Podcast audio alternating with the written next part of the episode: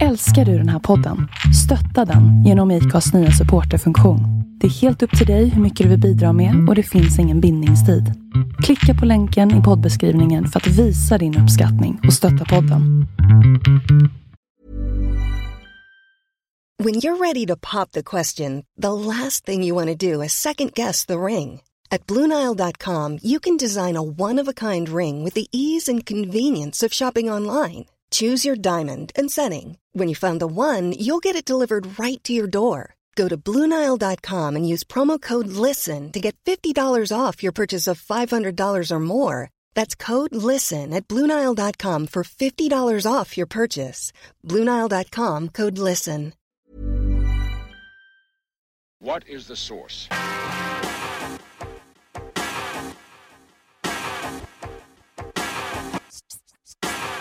One, two, three, set it!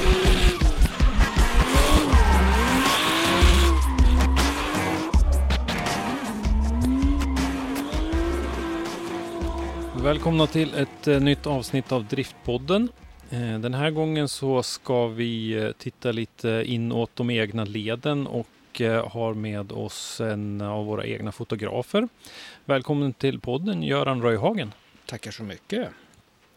Ja, eh, vi sitter på Mantorp Park, gatubil. Eh, vi har eh, tittat på lite kval och sånt idag. Det här kommer ju att gå ut senare, men eh, vi sitter här i alla fall. Så om vi hör något eh, omgivningsljud och så, så är det väl säkert så att det är någon som eh, leker lite grann här på kvällen på gatubil. Mm. Kan väl vara så att ljudet förstärks lite av svenskt driftingväder som låter lite fint mot taket. Precis, vi sitter i en husbil och spelar in så det kan nog, kan nog vara så att det hörs lite grann med eh, regn mot taket men det bjuder vi så gärna på. Så. Eh, det jag tänkte att vi skulle prata om idag Göran det är ju lite grann eh, om eh, ditt eh, liv som motorsportfotograf. Tänkte säga. Mm. Du, du har ju hängt med oss ett tag och eh, vi har ju hört många historier från många olika ställen. Jag tänkte att vi skulle försöka samla upp det där lite grann och höra lite mer om eh, vad du har varit, vad du har fotat, eh, och lite Mm. anekdoter och lite roliga grejer. Kanske finns någon enstaka sak vi kan berätta. om. Ja, jag skulle tro det. ja det är ganska städat. Mm. Eh, om vi börjar lite från början med eh, ditt eh, fotograferande och sådär. Vad, vad, när, när klev det in i ditt liv så att säga? Det var faktiskt väldigt länge sedan. Eh, jag var ju så pass gammal så att jag var med på den analoga tiden som de stofilerna brukar kalla det för. Och det Mm. var efter gymnasiet så drog vi igång en liten fotofirma, jag och två andra kompisar som vi kallade för Delta Foto. Och det var att vi höll tre huvudintressen som vi hade. Det var själva idén bakom Delta-namnet och så att vi var tre stycken också. Då var det tanken windsurfing, klättring och eh, skidåkning. Mm. Skidåkning var ju den, den stora grejen då. Vi hade ju Felix och Felix som stora förebilder. Ehm, Så att då tänkte vi att det där skulle fan vi också kunna prova på. Mm. Ehm, Så vi höll på med det i ett par års tid. Problemet som idag låter väldigt eh, så att säga, enkelt att hantera, det var ju distributionen på den tiden. Mm. Vi fotade dia och, och hur man, man skickar iväg dia till en presumtiv kund, då är ju diat borta. Annars Mm. måste man hålla på att betala, göra duplikat och det kostar pengar och man tappar lite i kvalitet och allt sånt där. Så det var, ja, det hamnade väl lite i, ja, massa praktiska problem gjorde att det aldrig blev någon större verksamhet av det. Mm. Fotade lite hundar och sånt där, det var det som gick ihop, men det var inte lika kul då som att fota skidåkning och klättring. Mm. Så att det, det där dog ut. Vi fick andra jobb och eh, jag började faktiskt jobba på Kodak efter det. Mm. Med lite av eh, en tanke att jag skulle liksom in i fotobranschen och lära mig mer av tekniken runt omkring det hela. Mm. Eh, Vilket, där, vilket år var det här då som ni drog igång? nu pratar vi, vad kan vara 87, 88 höll vi på med det här. Mm. Och det här var ju då hela analogt på den tiden. Mm. Eh, sen eh, 89 började jag på Kodak. Jobbade där som tekniker under sex år. Jag jobbade med kopiatorer och printrar då, men det var då som via eh, ja, våran teknikavdelning som höll på med kameror, de visade den första riktiga digitalkameran. Jag får mig att det var en DCS-1 som Mm. gjordes till ett eh, OS och det måste ju varit 92 eller något sånt där då. Mm.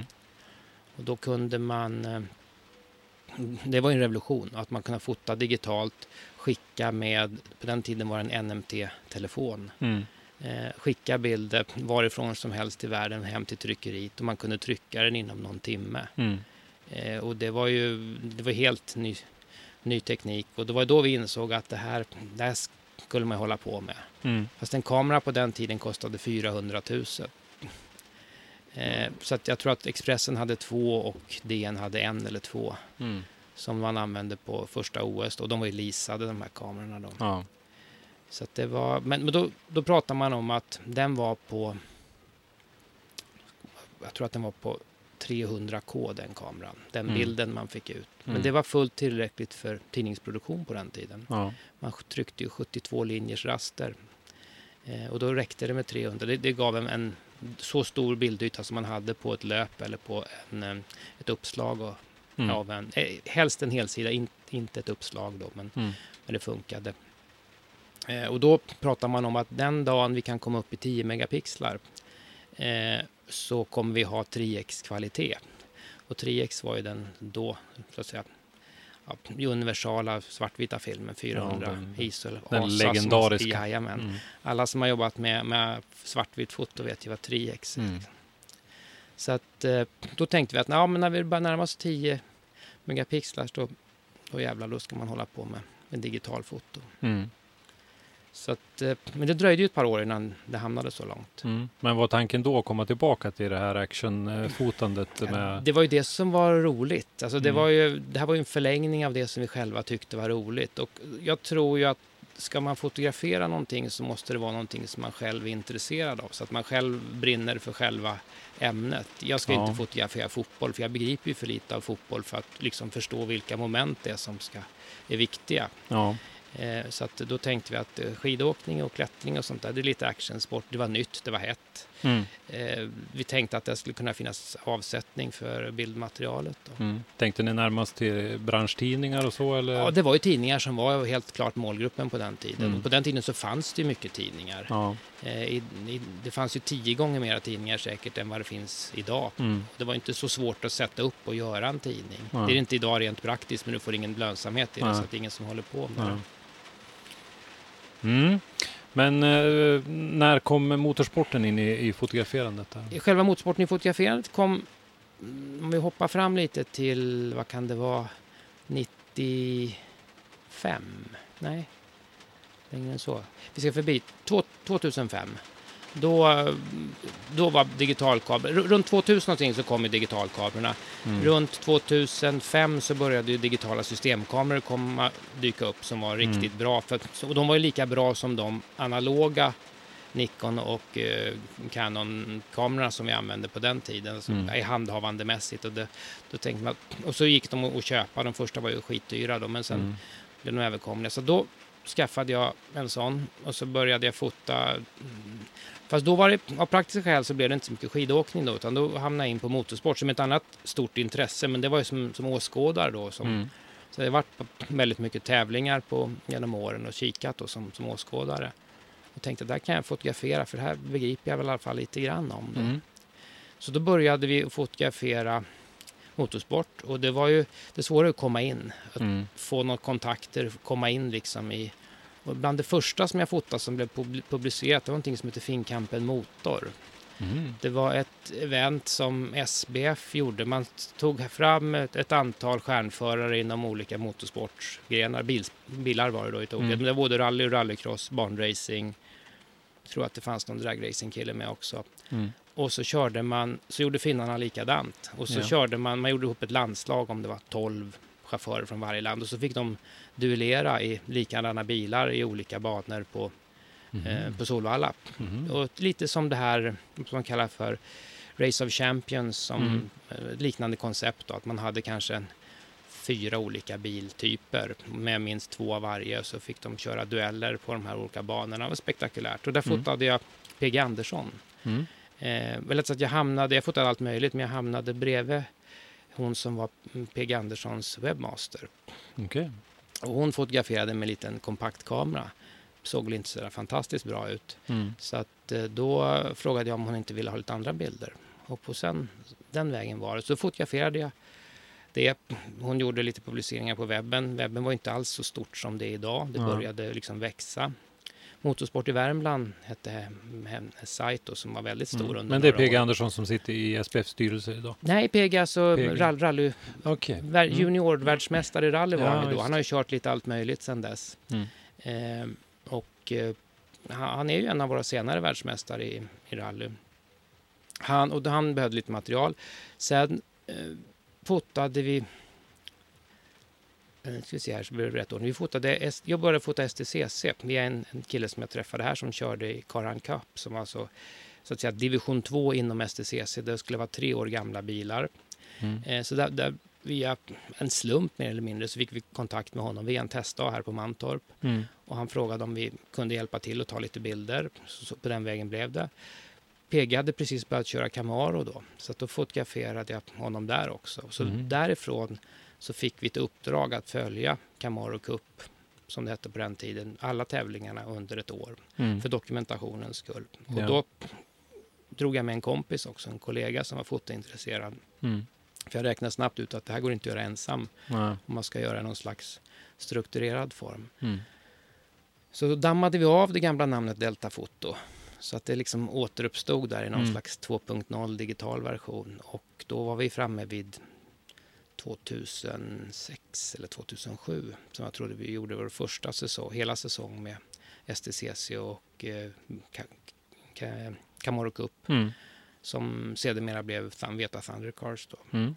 Men då var ni med hela vägen runt eh, på olika banor och sådär. Ja. Hur många deltävlingar pratar vi om en säsong då? Sex var väl målet att köra. Något år blev det fem och något år blev det sju. Men sex Mm. var liksom ett...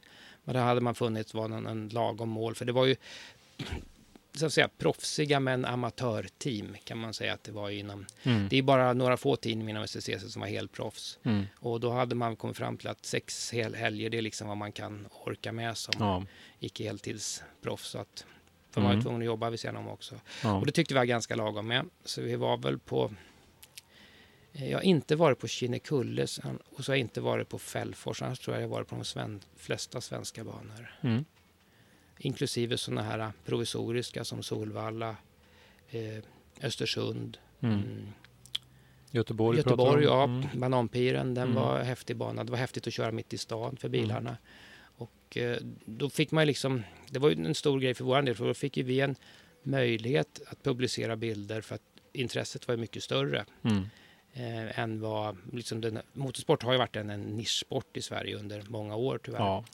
Men då fick vi en, en möjlighet till en större marknad och vi hade väl hoppats att vi skulle kunna dra större växlar på det än vad det gick. Men det, ja, det, det är svårt att, eh, för det, samtidigt som det här började gå framåt så började också ja, lokaltidningsdöden började slå till. Mm. Eh, och det var ju det våran första...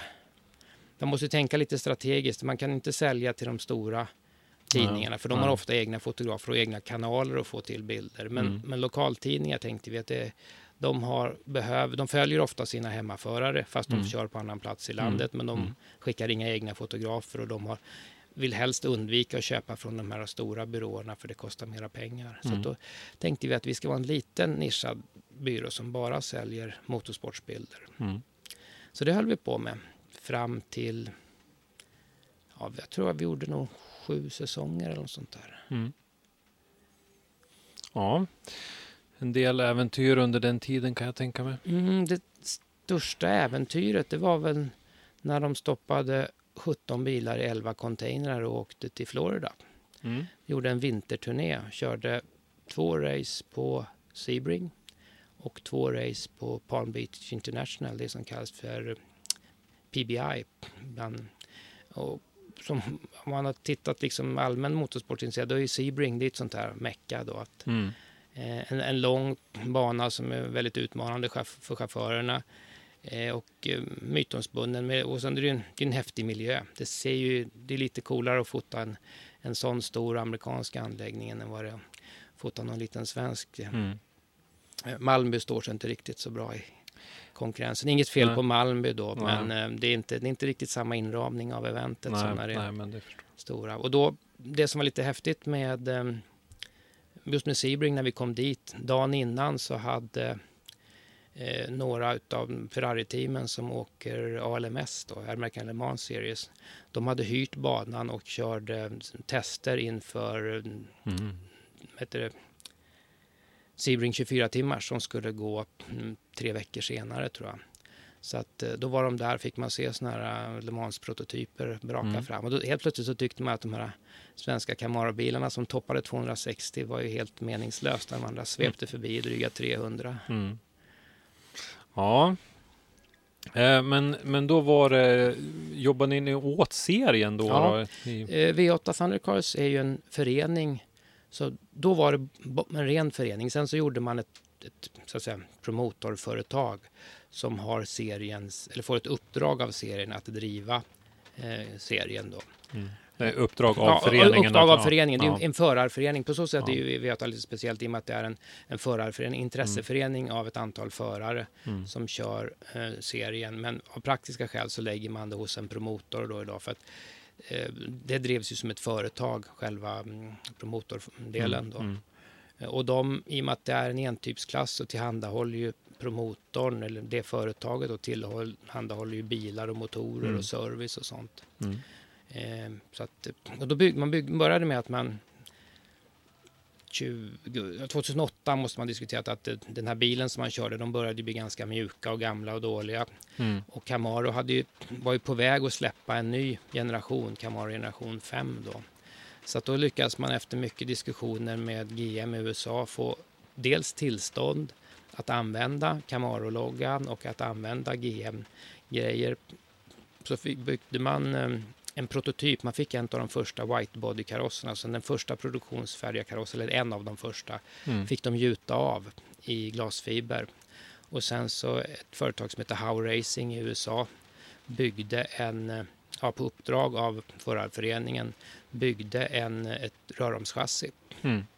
som ett chassi som man fortfarande använder idag med vissa modifieringar. Mm. Och så satte man den här karossen på. Och den bilen kom 2010 till Sverige. Och det var ju samtidigt som den så att säga gatcamaron gjorde premiär. Så Mm. det var en ganska stor grej. Ja. Och det var ju en, en riktig racerbil Mm. eh, med en gammal V8 i. Då. Man Mm. började med att man körde med befintliga V8-motorer i.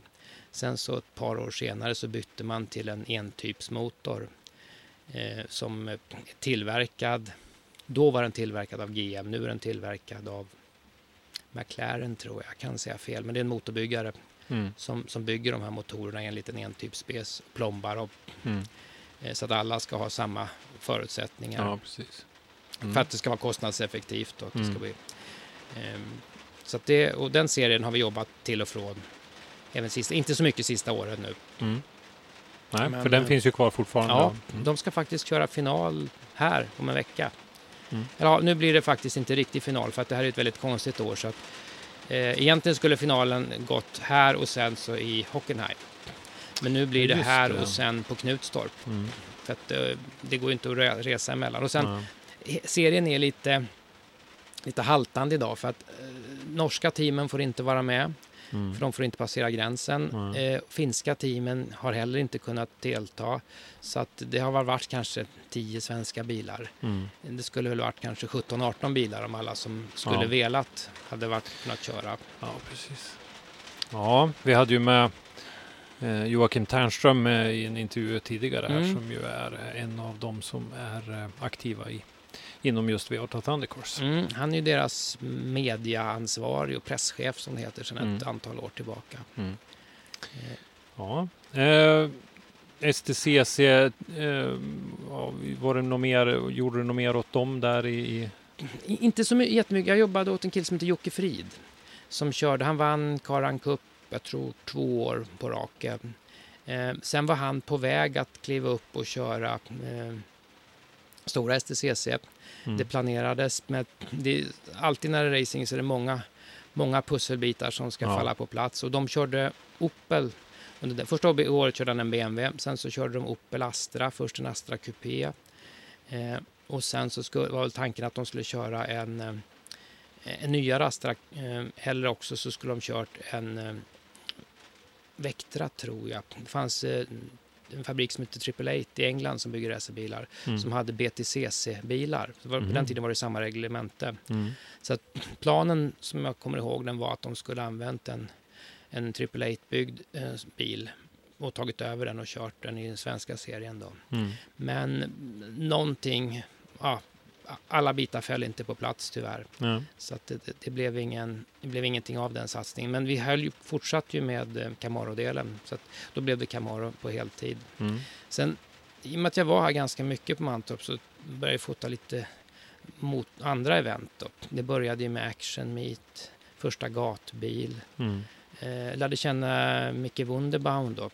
Och han är, det är en liten värld för att en av dem som har drivit V8 Thundercars, det är heter Tony Bryntesson från Jönköping. Mm. Han körde dragracing innan, Ja. Europamästare i Top Fuel Jajamän. och gedigen meritlista där. När, Mm. när han var storstjärna och åkte ut i Europa så en av hans juniormeckar, det var Micke Wunderbaum. Jaha, okej. De är från Jönköping så att han, det var där Mickes motorsportsbana började. Han lärde sig mecka då Tony innan han började köra själv. Mm. Eller ungefär eh, i samma trakt där. Ja. Men han fick liksom lära sig av hur, ett, hur ett stall funkar som Mm. kan bli Europamästare. Så att, eh, Mm. och det tog han med sig sen. Micke körde ju dra, drag, dragracing ett antal år. Sen började han med drifting. Så att han hade slutat med, med dragracing när jag träffade honom. Mm. Men eh, då var det drifting som gällde. Mm. Och det... Ska vi, jag kommer inte ihåg vad han hade för bil. Jo, han hade en Z3 först. Mhm. En eh, eh, Z3 med tak. Alltså Mm. en, eh, en tidig, eh, en gul och blå var det. Mm. Sen så skaffade han utöver det en Nissan, eller SX200 då, som, Mm. eh, som hängde med i ett antal olika generationer Ja, efter det. den har jag sett. eh, Ja, som- den har som- funnits med ett antal. Ja, lite Rockstar Livery bland Ja, annat. till- bland annat. Mm. Rock, några Rockstar-år var det på den. Och bilen, om jag senast jag hörde så finns den kvar. Den står i garaget. Mm. Eh, det ska väl skruvas in någon motor om man ska köra med den. Men, men den, är, den lever fortfarande. Den är Mm. inte kraschad. Ja. Så det var, man kan säga att det var Mickes eh, förtjänst att du hittade igen driftingen? Ja, Micke har ju liksom, han, han hade ju lärt sig från Tony från början som drev ett riktigt stall. Han, så han hade ju tankesättet från början att ska man köra någonting så måste man göra det organiserat. mm. Eh, Så att han insåg ju då att eh, ska vi göra det här så behöver man ju media. Mm. Så att jag hjälpte ju till med bilder. Eh, En kille som hette mm, Patrik Gayborg som filmade. Mm. Så har varit några andra, till exempel som Dennis som är här, speaker idag, har varit Mm. med och hjälpt till där i mediadelen. Och, Mm. okej. och eh, Ölis har varit med också. Mm. Så att han har ju inte bara haft meckar utan han har liksom insett att mediadelen är, är viktig också Mm. för att man ska nå ut till, Mm. till fansen och till, till marknaden. Ja, men sponsorer. precis. Och ge tillbaka lite grann till sina samarbetspartners. Ja, och att ha ett, just det här att det är ett samarbete, att det inte bara är så att man tar några pengar och så sätter Ja. man några klistermärken på bilen och tror att det, det, det funkar så. Utan han Mm. har, mycket, Micke har gjort mycket event och sånt här. Vi har varit med och fotat på en del event. Vi har kört allt från gäster till att ha varit med på eh, Min stora dag för Mm. cancersjuka barn. Mm.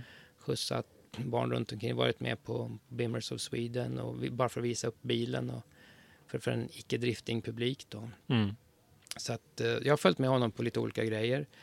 Bland det första vi gjorde, det var väl att vi åkte eh, utanför Sverige då. Det var väl att vi åkte till Ebisu i Japan. Det är ju driftingens vagga. Mm. Så där var vi någon gång. Vad kan det varit? Ja, så borde jag kollat upp det för sig. Men någon gång 2010 kanske. 8-10. Någonstans där. Mm. Eh, åkte över och då köpte de en bil på postorder kan man säga. Eh, det var, vi var fyra stycken som åkte över. Det var jag som skötte mm, fil, eller fotandet. Så var det Micke eh, som skulle köra och så var det en, eh, en vad heter Lindqvist? Eh, ja, han var med och hjälpte till att skruva det. Mm. Och sen så var det en kille som redan var i, Japan som heter Tony. Som är från Motala egentligen men som pluggade i Japan och som är stor eh, driftingfantast och entusiast. Mm. Så att vi fyra gav oss iväg. Micke och Tony hade köpt en bil. Jocke, Joakim Lindqvist. Han hjälpte till att skruva. Eh, och köpte den, hämtade den här bilen på Ebiso. Vi köpte den av eh, Andy Gray som har eh, drivit sitt företag på Ebiso. Mm.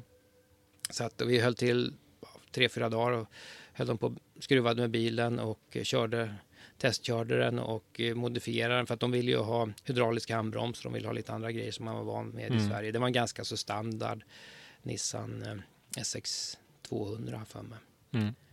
Eh, men, och den kördes med, på en tävling där. De hette som ett, som ett uh, Gajing GP. Gajing är ju utlänning i, på japanska. Ja, okej. Så att det var så öppet för icke-japaner. Så det Mm. var ganska mycket europeer, lite amerikaner och uh, australiensare. Jag kommer inte ihåg vad det var för mer för folk. Någon sydafrikan tror jag med. Mm. Eh, körde en stege där. Eh, tyvärr så gick vi inte vidare där. Både Micke och Tony, för där kunde man nämligen göra så att man kunde ha flera chaufförer på varje bil. Ja, okej. Eh, man, de hade ett system där man körde i två sidor i en stege. Så att om man inte körde sönder bilen så kunde man, båda kunde i princip ta sig till final då innan, Mm. innan det var, kunde bli fight om bilen. Ja, ja. Ja, hur har det skett? Om man har, båda chaufförerna tagit så långt, det vet jag inte. Men, Mm. men de körde, de provade, med, men ingen av dem kvalade in för det var väldigt tajt konkurrens och det var ganska trixig bana.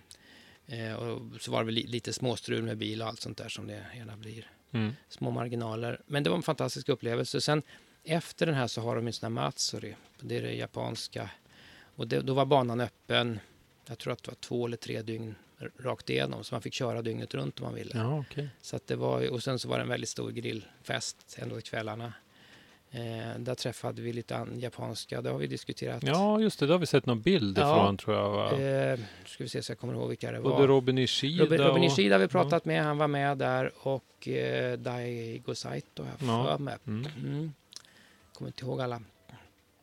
Men eh, ja, det, var, det var- en inblick i, i Japan. Mm. Jag hade ju varit i Japan innan dess ett antal gånger och jobbat. Så att, eh, det var därför jag tyckte det var kul att åka dit och se någonting annat också. Mm, Det här var helt annorlunda mot att åka dit och jobba i vanliga IT-branschen. Jo, det kan jag tro. Men eh, Ibisu som, som ställe och sådär, vad säger du om det då?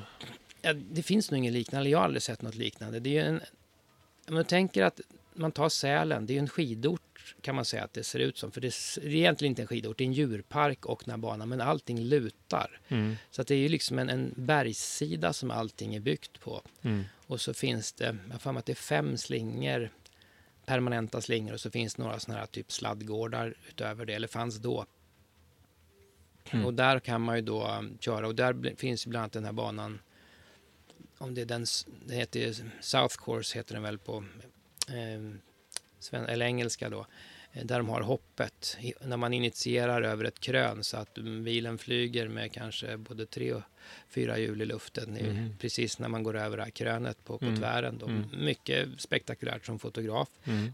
Och dessutom så går det här, man går över ett krön och sen så går man ner efter en mur och den här muren är egentligen källaren på ett hus kan man säga. Så att det är Mm. eh, inte som Gunnebostängsel och sen så är det fotohål i det här så att du kan stå väldigt nära säkert och fotografera det här när de far över det här krönet. Så Mm. att det finns eh, otaliga häftiga bilder när de kör över den där. Där, just över det krönet så slog de bort oljepluggen på den här eh, Nissan som, eh, eller inte pluggen utan de slog hål på tråget Mm. så att de fick eh, svetsa ihop det. Eh, Motorn klarade sig i alla fall. Ja, mm, märkte det small ju till som fan och vi Mm. såg ju att det hände någonting under. Det Mm. blixtrade ju och eh, som, jag kommer inte ihåg om det var Micke eller Tony som körde men han slog av motorn direkt och rullade åt sidan. Mm. Och sen så, det rann ju mycket riktigt och så tät, ja, och ur med all oljan.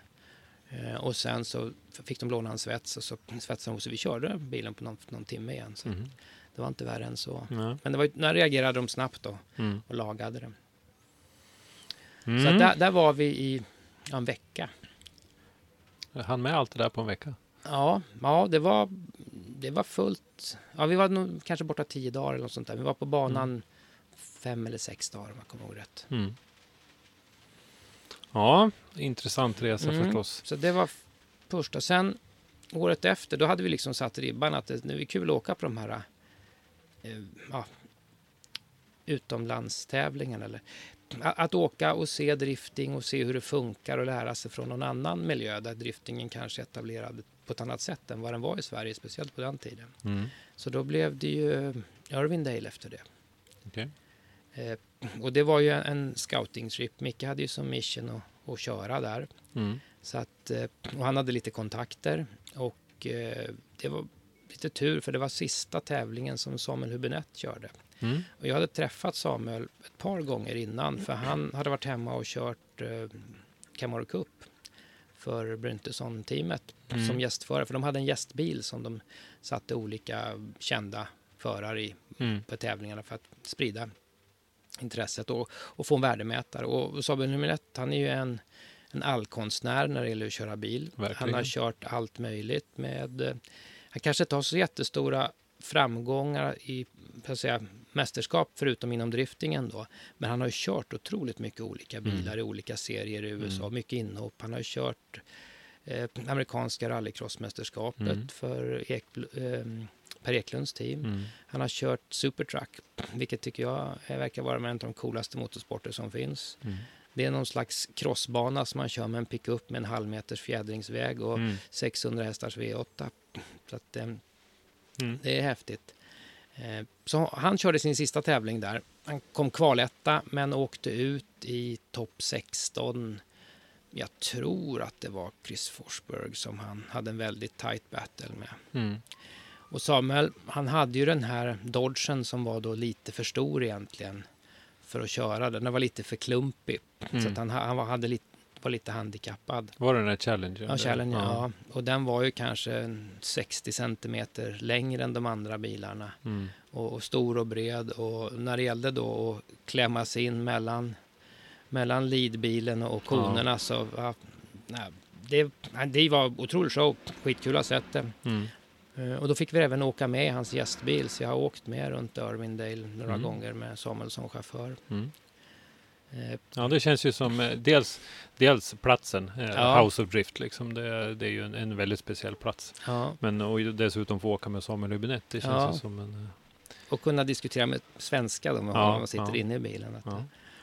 Så att det var, Mm. det var kul. Vi var, så det, det gjorde vi Det är vi där. framme i 2011 någonstans då, eller? Ja, kanske 2012 till och med, va? Mm. Något sånt där. Mm. Det är den som har bra koll kan se när, när körde Samuel Luminette sitt sista år i Ja. Formula D. Mm. Sen slut, det blev ju, då var det väl inte sagt att det var hans sista år. Men hans eh, däcksponsor eh, flyttade ju över sin verksamhet till eh, mera offroad. Såna här, um, de, Stadium Trucks och eh, Formula Offroad Mm. som de kör. Det är som, de kör Baihat 1000 och sådana. såna här. Så det var därför Samuel körde sen eh, lite supertruck istället då, Mm, ja, på de här banorna. Så han följde med sponsorn till, Mm. till deras nya jaktmarker. Mm. Mm. Och sen så drog ju mm, Dodge drog ju ner på sin tävlingssatsning. Ja, precis. Jag vet ju att eh, vi, vi har ju gjort en intervju även med Samuel tidigare och då diskuterade vi lite grann det där och han eh, bland annat det här att eh, han var ju inte fri att välja vilken bil han ville. Han hade ju kört Viper eh, och, Ja. som ju med stor framgång. Mm. Men då var det ju Challenger man ville promota, ville lansera Mm. den då så att det var ju den man ville att han skulle köra. Så. Ja, och, och dels ville man promota va, ehm, och sen så de, jag får mig att det var ett produktionsstopp på Viper några år. Det var innan den nya Vipern kom. Mm. Så att det fanns, alltså Dodge såg inget större marknadsvärde i att promota en bil som man för tillfället inte kunde sälja. Nej, nej, För precis. Något år efteråt så kom ju den, den sista generationen på Vipern då. Mm. Ja, senaste kanske man ska säga då, men Mm. Eh, Men den, den bilen som han blev mästare med, det är ju den som... Eh, eh, han gick i samma team som honom, som... Nu ska vi se, den irländaren, det är... Eh, vad fasen heter han? En, det var en av de första irländarna som körde där. Mm. Ja, det är en kompis till de andra. Eh, Dean Kearney. Mm.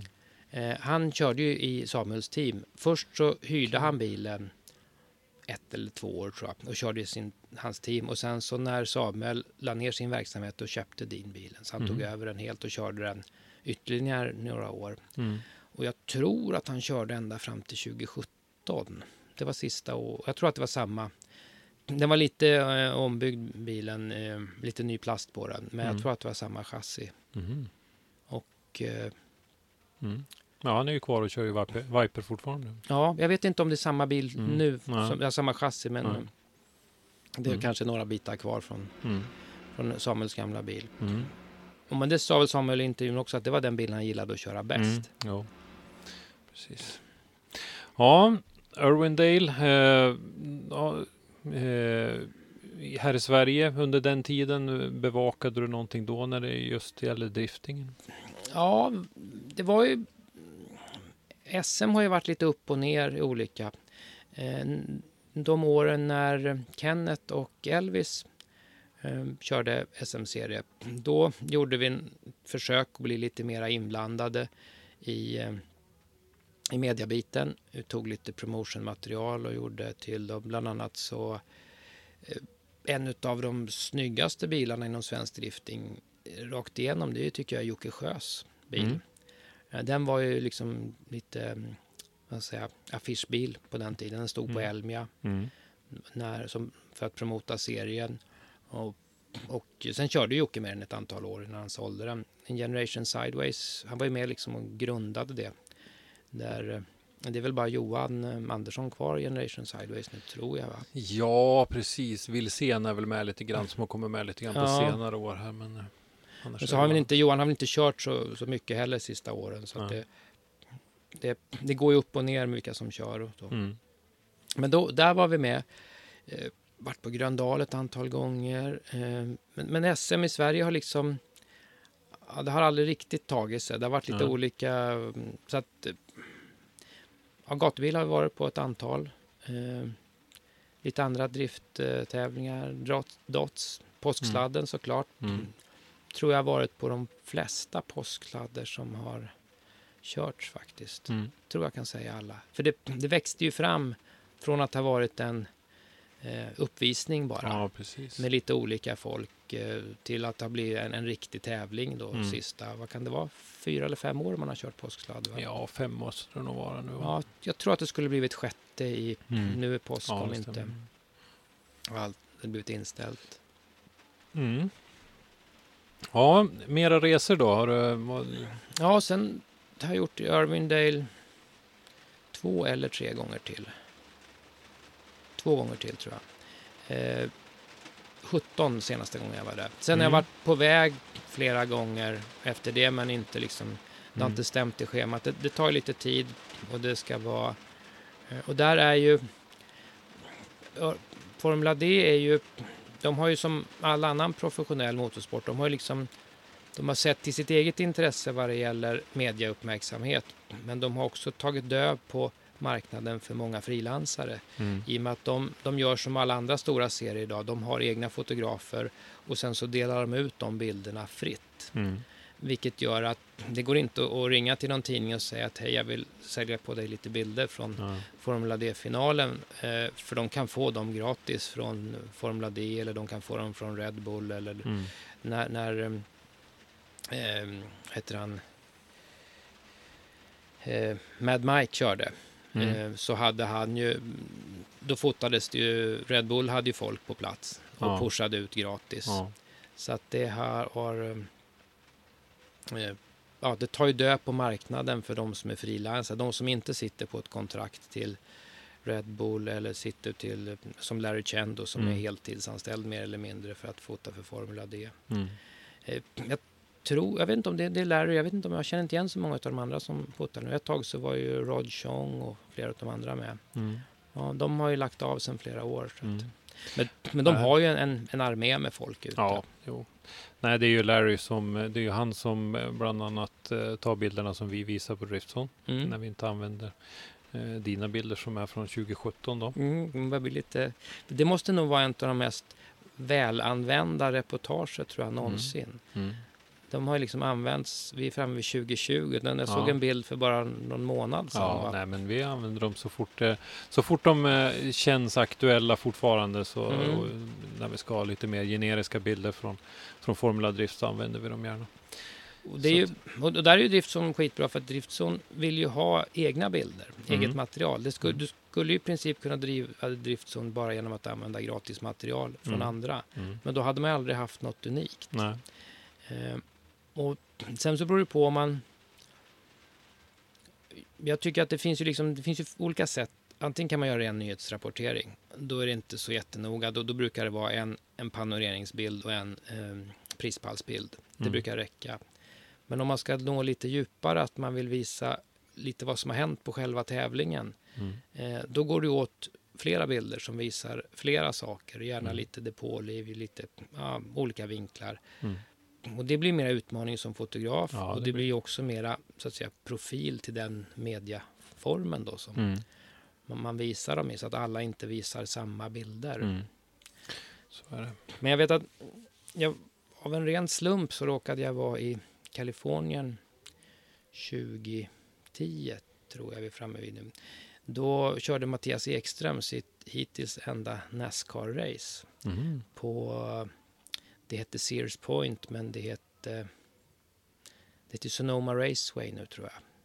Eh, veteranerna kallar det för Sears Point fortfarande. Det ligger alltså i norra änden av eh, San Francisco Bay Mm. och är en sån här legendarisk amerikansk racerbana, skithäftig. Och de kör en, ett av inte speciellt många, vad jänkarna kallar för road courses i, med Nascar-bilarna. Mm. Och då har de ju speciella bilar som kan svänga åt båda hållen. Mm. Så att de har ju symmetriska chassin. Mm. Eh, och då var det... Mattias var ju Red Bull-sponsrad. Så att han, när han körde i eh, DTM. Och den killen som hade... Som körde Red Bull-bilen normalt sett. Han var skadad. Eller om han var rehabiliterad. På något sätt så var han borta. Så Red Bull visste att han var borta från racing i tre månader. Mm.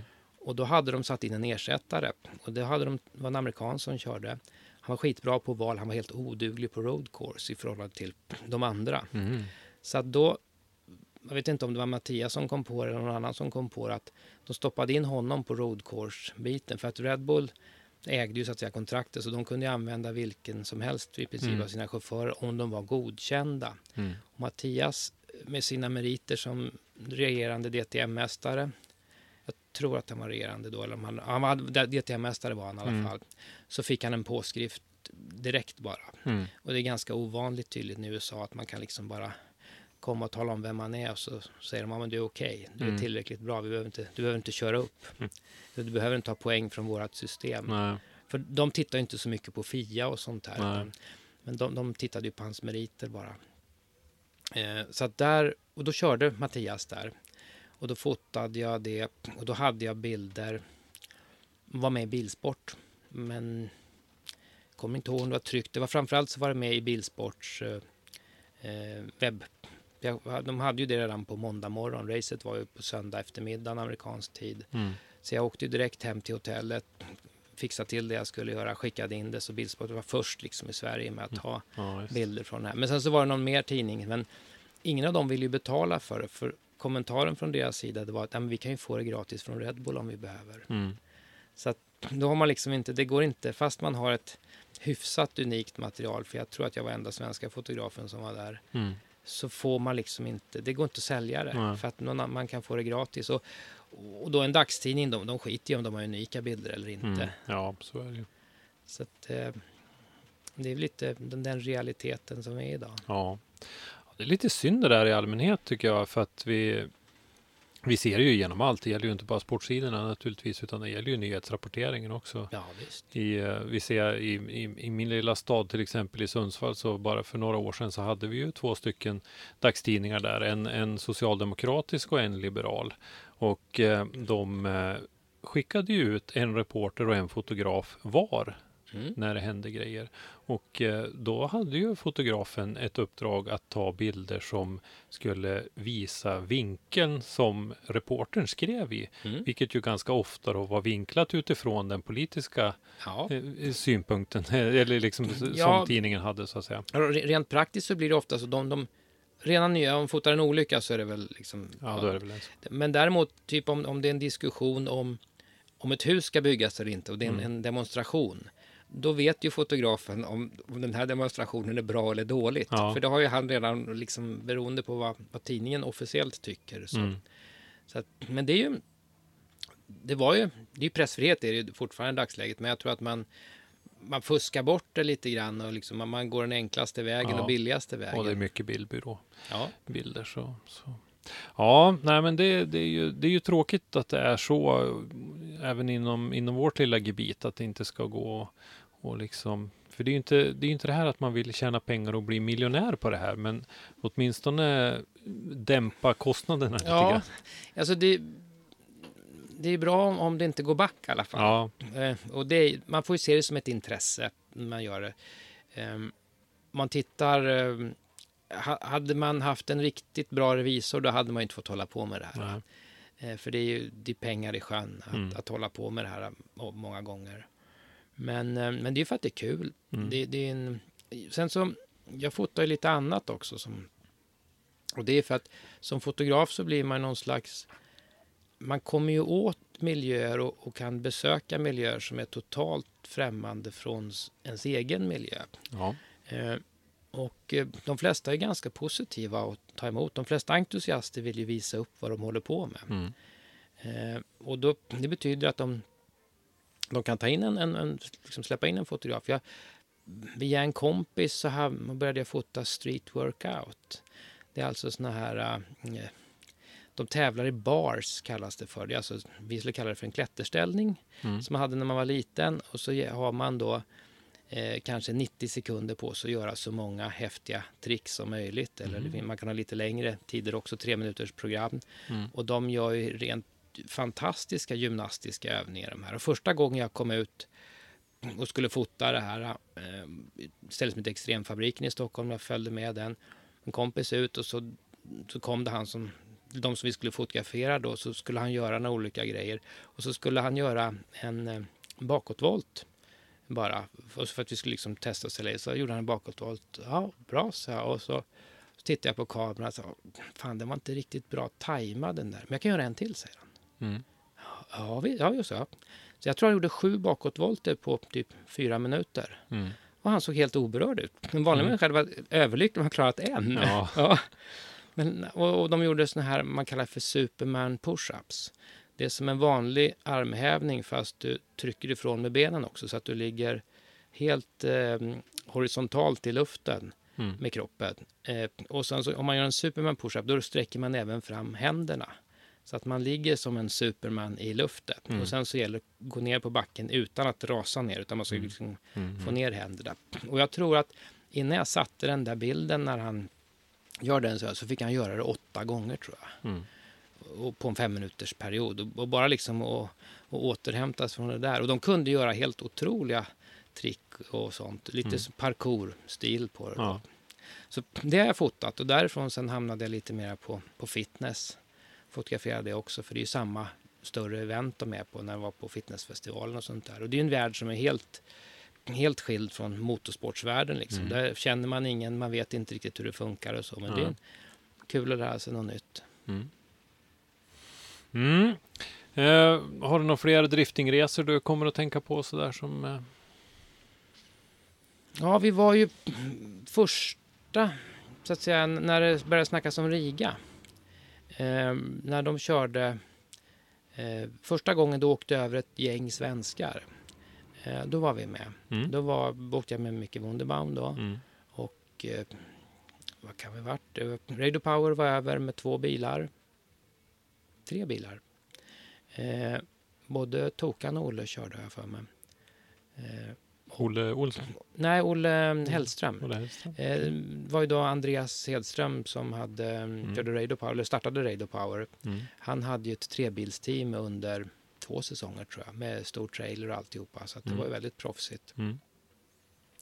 Eh, och de var ju liksom klart längst fram i Sverige. De satte en liten standard då Mm. av eh, att, att köra med trailer och att köra liksom proffsig organisation, stort tält, mycket folk, Mm. Eh, riktig mat, bara en sån sak. Mm. Eh, Så det var ju det var bra, jättekul att varit med om. Och det var liksom ett... ett I och med att de var först i drifting med det så satte det liksom målet för, för många andra. Mm. Sen så kom det då flera... Då, mm, heter han, Jens Juntila. De Mm. kom ju från, från rallyvärlden så de hade ju också det här att, att stort tänket att man skulle ha trailer med sig. Ja. Och, eh, eh, vad var det mer? Det hade kommit antal bilar som liksom, eller team som tog efter det här att man, Mm. man körde med stor organisation, kanske både en och två, i vissa fall tre bilar. Ja. Så det, det var bra. Men det, det var första Rigaresan. Mm. Dennis Martinsson var med, jag för mig. Jag tror att det var nog fem, sex svenska bilar. Mm. Eh, Var det samma redan då med parad i stan? Och ja, det var det Mm. precis. När vi körde driftingbil på, på gata där. Mm. Eh, Fantastisk upplevelse tycker jag. ja, det är speciellt. Mm. Vi, vi blev, vi, som mediabil så åkte vi sist. Och vi fick, eh, vi fick stanna och hjälpa, kommer inte ihåg för det var en av eh, den bilen som åkte näst sist, alltså sista riktiga driftingbilen, den tappade vänster bakhjul 400 meter från eh, Bikenik banan där. Mm. Så vi fick stanna den och så fick vi hjälpa dem att kuta runt mitt i vägen och leta hjulmuttrar där fort som Mm. fan. Som tur var så hade de en, eh, en servicebil som låg bara någon bil bakom oss som hade en garagedomkraft i sig. Så vi Mm. fort som fan hissade upp eh, bilen, fick tag i fälgen som var på väg ut i en park med, med hjul och fick tillbaka den. Och jag tror att vi hittade alla fem bultarna, men tillräckligt många för att få dit den i alla fall. Men det var lite stressigt där. Mm. Eh, och sen så ner till stan då. Så då, då hade vi tappat de andra lite. Men en em, kompis till mig som var med för att han har kåk i Riga. Så han var med och fotograferade också. Han, han hittade tillräckligt bra Riga så vi kunde hitta svansen på kortegen en bit bort. Då. Ja. Och där skulle det åkas då 30 kilometer i timmen när de kom ner till den här stan och, ing, och absolut inget börnande och Ja. ingenting. Och vi kommer fram på någon tvärgata, där står motorcykelpoliserna och liksom matar på att de ska börna. Så att de, eh, men de har sagt åt dem att de blir diskade om de får det och polisen kommer bli jättearg. Nej, nej, polisen tyckte det var jätteskoj. De drar en burnis på kullerstenen där. Nu var det kullersten så det rök väl inte så mycket men det, det brölade ju på bra mellan de här gamla 1800-talskåkarna där inne. Ja, det var i kanten på den gamla delen av stan Mm. där vi körde in. Så de tyckte det var kul och folk, eh, det var ju verkligen folkfest och det var Ja. fullt på läktare och allt sånt där. Jag tycker Riga var en, en fantastisk upplevelse. Jag var ju där för ett par år sedan nu. Mm. Det var ju, det var väl eh, sista året tror jag de körde parad i stan. För de har ju fått eh, tyvärr ta bort den där nu. För att, Ja, eh, okej. Så de har ju kört, eh, 2019 kördes det väl parad inne på banan tror jag. Ja, okej. Istället tyvärr. För det, det är en del av det som hör till Ja. med, med Riga-tävlingen Det faktiskt. kördes ju parad på banan även då för mig. Själva sån här förarintroduktionen var ju väldigt, eh, ja det var en viktig del i showen så att säga. Mm. Ja, absolut. De körde Mm. och eh, ja men det var kul så det, där var vi med. Mm. Var det några svenska framgångar i den tävlingen som du kan minnas?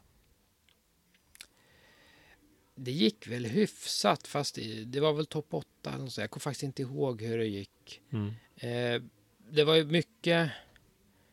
Eh, en sån här anekdot, jag kommer ihåg när, när eh, jag tror att det var Tokan eller om det var Olle som körde på någonting. Så att eh, framvagnen, det var ju en ganska ojämn bana. Mm. Och en av bilarna var ganska låg. Så jag, det, någonting i framvagnen gick sönder och släppte. Och då vet jag att vi sågade sönder en sopstativ, alltså hållare till en, sopställ, en sopsäck Mm. som låg halvskrotig bakom något eh, läktare där. Så den hittade vi för att sågade bitar ur som de svetsade fast Mhm. för att mm, nödlaga framvagnen. Mm. Eh, Så att det var, det var sån här snabbmäck och jag vet att de på den tiden så hade de som ja, typ Biltema som fanns en bit utanför och de hade ju egentligen stängt när det var söndag.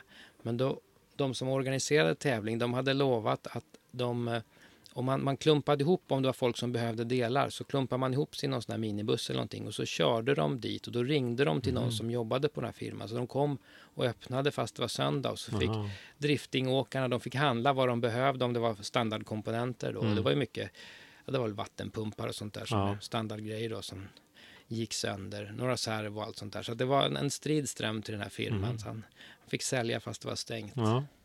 Men Det var, det var ett service. Och jag, det jag kommer ihåg av den organisationen var att de, de, var ju, de lokala organisatörerna de var ju väldigt måna om att vi skulle tycka att det var bra. Och att Mm. vi skulle ge liksom ett väldigt positivt intryck. Så att de var ju super nice mot oss och de försökte ju fixa allting. Även om det var grejer som de hade svårt att fixa så försökte de verkligen. Det är inte bara så att de sa nej det går inte utan det, det var, de skjutsade iväg. Jag tror att det var någon som fick, å, fick skjuts till någon skrot. Eller de, de guidade dem till någon skrot som de hade ringt till någon som öppnade upp och så fick de Mm. såga bilar, delar ur någon bil eller Ja. som de behövde där. Så att de, de verkligen ansträngde sig för att det skulle bli, Mm. bli en bra tävling. Mm. Ja, som sagt ett eh, fantastiskt ställe där Bikinikibanan i Riga. Den rekommenderar jag ett besök om man har möjlighet. Mm. Prata om, som övergjorts Bikiniki, den är faktiskt byggd och avsedd för Formel 1. Fast jag tror aldrig har körts. Eventuellt har det körts ett lopp på 60-talet. Sen fick de inte köra för säkerheten på baksidan är helt... Ja, de har avsaknad av säkerhet. Mm. Det är ju som en, en eh, asfaltsväg som går genom skogen bara Mm. med träna ganska nära vägen. Ja. Eller banan. Mm. Ja, man brukar ju köra en del där närmast läktarna och det när man kör eh, Drift Masters har ju varit där nu några Mm. år till exempel. Men när eh, Ness har kört, då har ju de kört in i den här Witch Kettle-delen eh, som är mera inne i, i, i skogen. Mm. Mitt i där. Det är Ja, helt annan karaktär på, på Mm. banan. Jag har inte sett den banan live eller när de har kört där. Men jag har bara sett när de har kört. Så att den, den delen är moderniserad med armkorräcken och så. Där Mm. man startar på krönet och så är den först en höger och så rundar man hörnet på läktaren. Mm. Ja, precis. Mm. Eh, vi snackade en del om Micke Wunderbaum när jag hängt eh, mycket ihop. Eh, Micke hade ju en satsning i USA. Var du någon delaktig i, i den? Eh, planen var väl att jag skulle varit lite mera delaktig än vad jag var. Av praktiska skäl. Det är mycket resor, det tar tid fram och tillbaka. Och det här var ju spritt över. Han körde då Pro 2. Mm. Jag har för mig att det var fyra racehelger mm, på Pro 2. Mm. för att det fortfarande är det. Så jag var bara med på finalen. Eh, och eh, där, de hade ju konstanta problem med bilen. Eh, och problemet var att bilen stod ju, i garaget var i Atlanta. Eh, Micke bodde i Åby, eller Jursla. Och, så att det var liksom, och han kunde inte vara över hur länge som helst och bygga och fixa med delar. Så att när Nej. bilen skulle gå till tävling så var den tvungen att gå tre dygn före tävling, till exempel om den skulle till Irvindale. Mm. Det är 400 mil att köra Mm. nästan. Eh, och, eh, så att det tar ju en jäkla stund för dem att få dit den. Mm. Och så skulle det då delar skulle köra, komma med flyg och det skulle trixas in så att eh, de fick väl inte riktigt rätt delar. Så att Mm. den gick ju aldrig riktigt som den skulle. Det var väl någon träningsrepa på Irvindale som jag har eh, när den går bra. Mm. Men sen så i och med att de hade motorproblem så drog den ju inte så att det blev ju olyckor av det. En gång så klippte han väl i eh, muren på grund av att motorn slutade dra. Och när motorn slutar dra på en sån här velodrom då följer man med centrifugalkraften ut till Ja. muren. Ja. Så att, och då blev det ju extra meck av det. Mm. Så att den, eh, Vad var det för bil? det var ju då en Z350 med en eh? LS-motor. Ja. Och den finns fortfarande i Sverige tror jag. Micke tog ju hem den, eh, fast han sålde den till en kille här i trakten någonstans. Ja, är inte det den som Andreas Wilsén har haft? va? Lite osäker. Jag för mig att den var orange sista gången. Men det ska vara osagt. Jag vet bara. Den stod på Elmia när den var ombyggd. Mm. Eh, fast då är det inte den motorn som Micke hade i. Utan den mot, eh, bygg, han byggde en annan motor Mm. eh, som, som satt i bilen då. Och sen så För det var väl någon, någon kändis som hade haft den där innan också? Va? Ja, det var ju då, det var en svensk som körde, eh, nu ska vi se, vad heter han?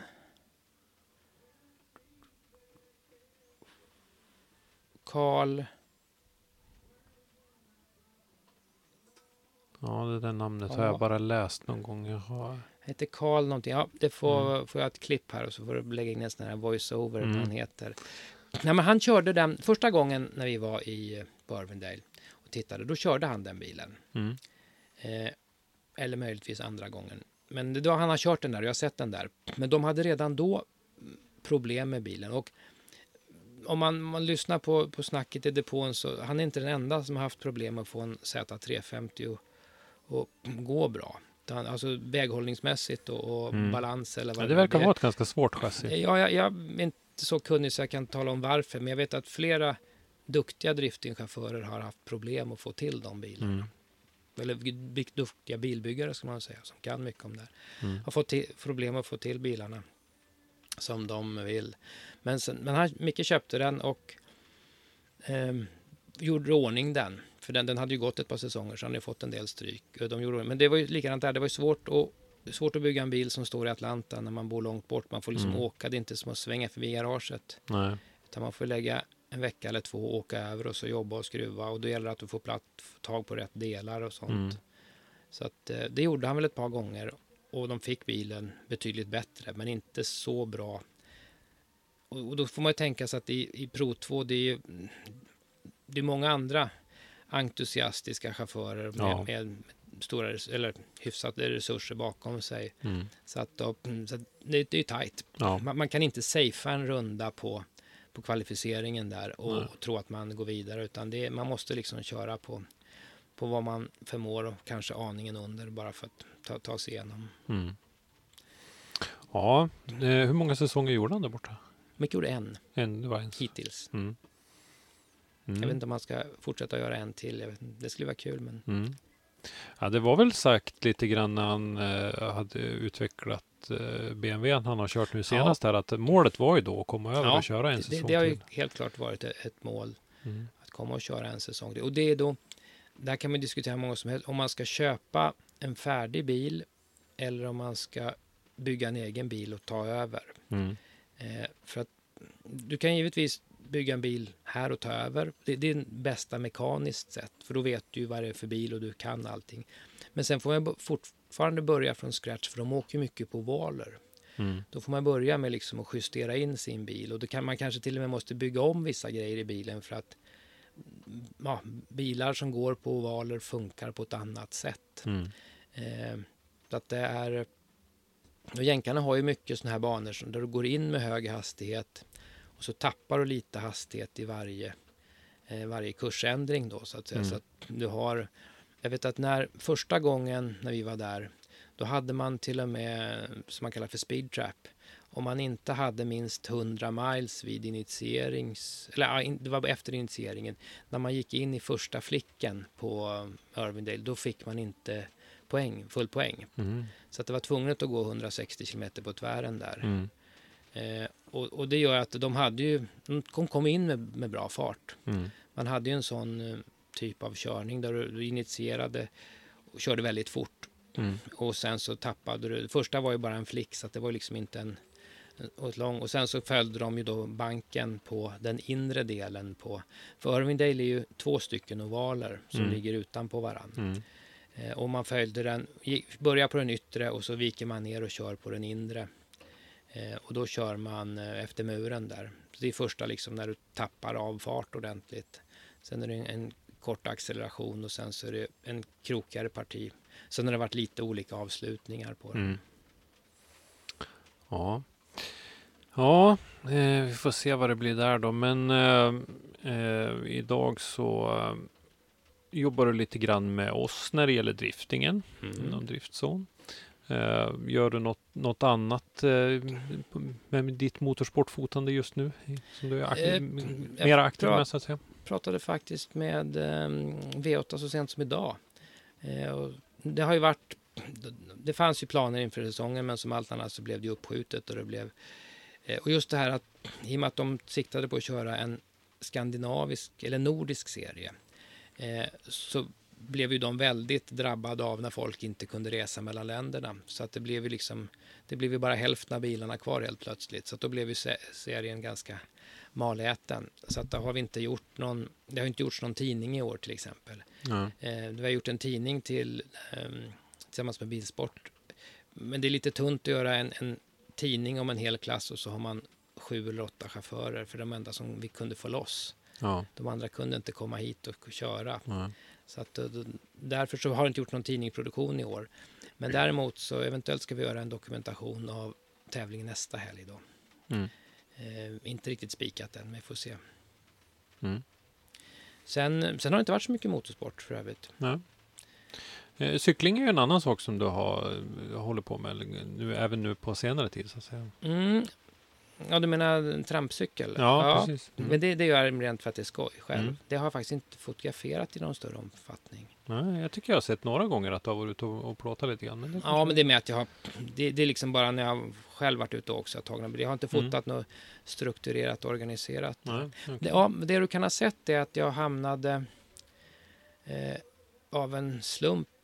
Får man ett intressant erbjudande så säger man ja först och sen funderar man på om det var bra. Ja, Så att förra sommaren så var jag faktiskt med på någonting som heter Niar Games. Det är alltså Nordic Island Adventure Racing. Det är sån här uh, uthållighetstävling. mm. Och där är cykel, oftast mountainbike, ett av momenten som ofta ingår. Så där Mm. har jag fotat cykel då. Fast det Mm. är inte cykel som enskild sport utan det är då ja. cykel, löpning, repellering, simning, paddling, forspaddling. Ja, det är alla möjliga. Det är ganska fritt upp till arrangören att välja vilka grenar man kan ha. Och det är ju Mm. att, att ta sig få- från punkt A till B via massa mellanstationer. Mm. Och den tävlingen som vi var med på förra året, det är väl den längsta som har gått här i Norden. Den var 70 mil. Eh, och då började man med att springa. Starten gick på Åreskutan. De sprang ner för Åreskutan, ner genom byn, ner till Holiday Club, hotellet nere vid vattnet precis. Mm. Där var det repellering först in i receptionen. Eller jag tror att det var repellering in- inne i eh, receptionen. Och sen så var det därifrån cykling mot Norge. Eh, och sen, jag tror att det var en 25 mila cykling de hade där i början. Eh, och sen så blev det, skulle det blivit eh, paddling i såna här små gummikajaker eller uppblåsbara kajaker med nylon. Eh, Mm. kallas för packrafts. Eh, men det blåste för mycket. Mhm. Så att den, just den delen ställdes in till att det blev en vandring eller en gång istället, en löpning, löpsträcka. För att det, det finns ju en säkerhetsmoment Mm. där också. Det, Ja, blir, naturligtvis.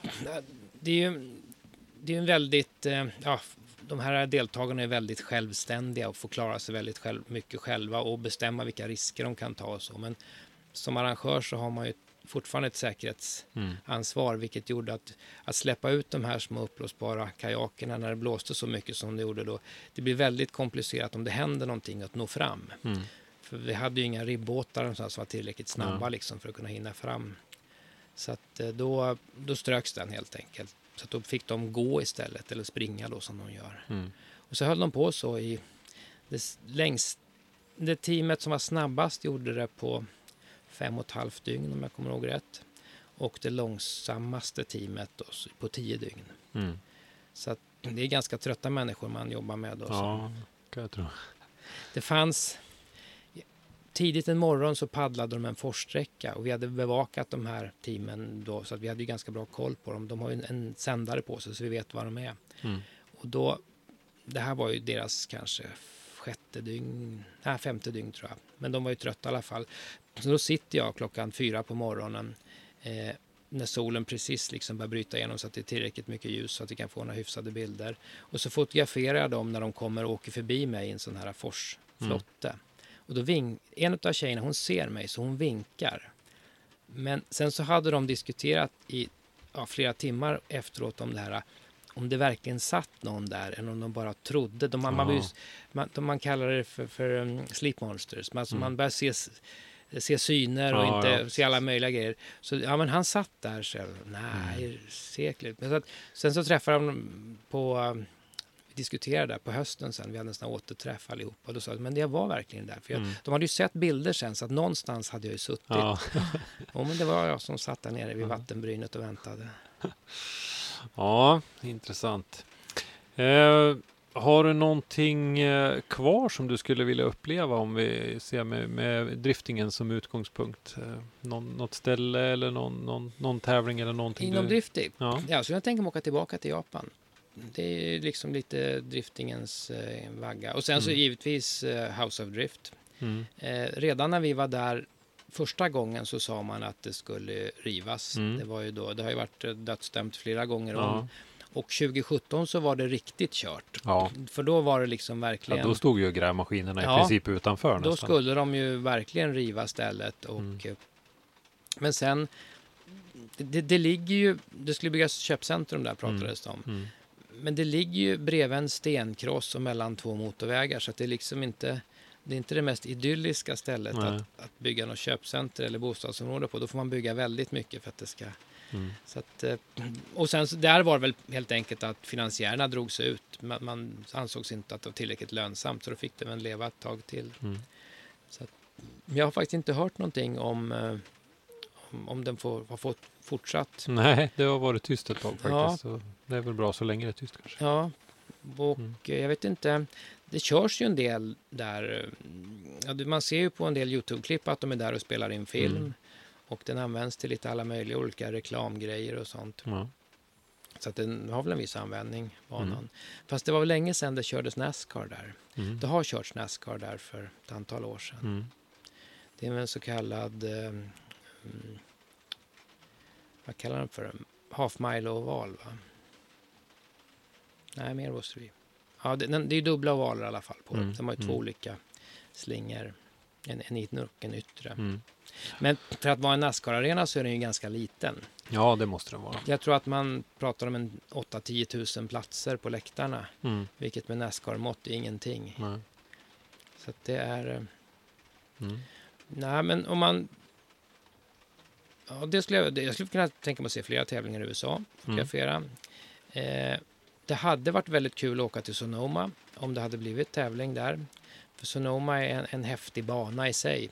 Sen beror det på hur, vad de kunde göra av själva driftingen där då. Mm.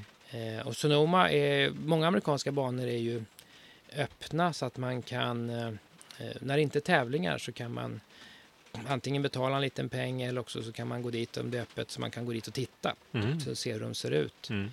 Så vi har varit på eh, Laguna Seca också eh, och gått i The Corkscrew när, Mm. eh, bara för att det var kul att titta. Och då, Ja. då var vi ute på en lunchrast, break, när de var ute och sopade banan. Då var vi ute och kände på asfalten. Sen var det förarkurs och lite såna här olika motorevent. ändå. Det är en så stor anläggning så det är flera grejer på gång samtidigt. Mm. Sen var jag där faktiskt 17 när jag var på väg till Örmindale så, så svängde jag in. Då skulle de köra en eh, standard, eller en tävlingsklass, eller tävlingshelg med blandade bilar. Det heter, jag kommer inte ihåg vilken serie det var. Men eh, bland annat så körde man eh, BMW 235 någonting heter det. Som en, en, det är fabriksbyggda BMW-bilar. Ungefär lite åt eh, VTCC-stuket Mm. med entypsbilar som de kör i den här klassen. Och sen så var det allt möjligt. Och bland annat så stod det en... eh, Audi hade en, ett event så de hade tagit dit sin... eh, eh, den bilen som Stefan Johansson vann eh, Le Mans med Mm. för vad kan det vara, över tio år sedan vid det här laget. Mm. Eh, och den stod... De, när de höll på och byggde montern så hade de bara lastat ur den och två andra bilar. Eh, så de stod på asfalten bakom trailern. Inga avspärrningar, ingenting. Mhm. Så jag var ju tvungen att gå fram och titta och det var ju verkligen, man kunde ju se, de hade ju skrivit med tuschpenna olika markeringarna inne i, i, i eh, cockpiten då. Mm. Eh, gjort st- streck för olika mätare och sånt där och Mm. den var ju i Le Mans-skick då. Ja. Fräsigt. Mm. Ja, men eh, med det så tror jag väl nästan att vi ska ta och avrunda den här eh, podden och Mm. li- det här snacket med dig. Du är ju en eh, uppskattad och rutinerad medarbetare med oss som vi tycker om att ha med ute på event och vi hoppas ju så att säga att du kommer att fortsätta och hänga med oss ut och titta på drifting här runt om i Sverige. Ja, tackar. Ja, Mm. Nu har vi bostad att ta med Ja, ta oss runt med här också. Mm. Ja, Ja, men eh, tack så mycket Göran för att du tog dig tid. Tackar. Det där var ett intressant avsnitt med vår fotograf Göran Röjhagen och om hans eh, äventyr runt om inom motorsporten.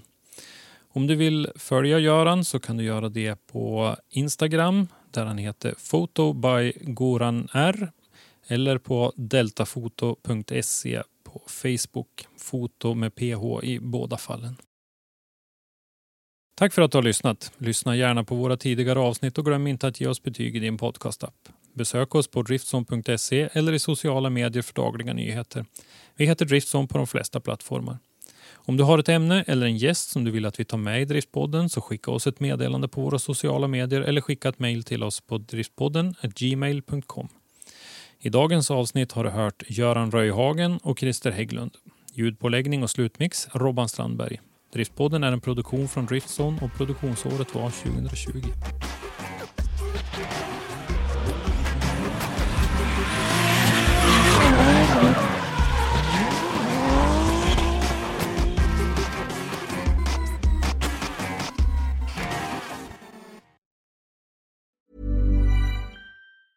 Mom deserves the best, and there's no better place to shop for Mother's Day than Whole Foods Market. They're your destination for unbeatable savings, from premium gifts to show-stopping flowers and irresistible desserts. Start by saving 33% with Prime on all body care and candles. Then get a 15-stem bunch of tulips for just $9.99 each with Prime. Round out Mom's menu with festive rosé, irresistible berry chantilly cake, and more special treats. Come celebrate Mother's Day at Whole Foods Market.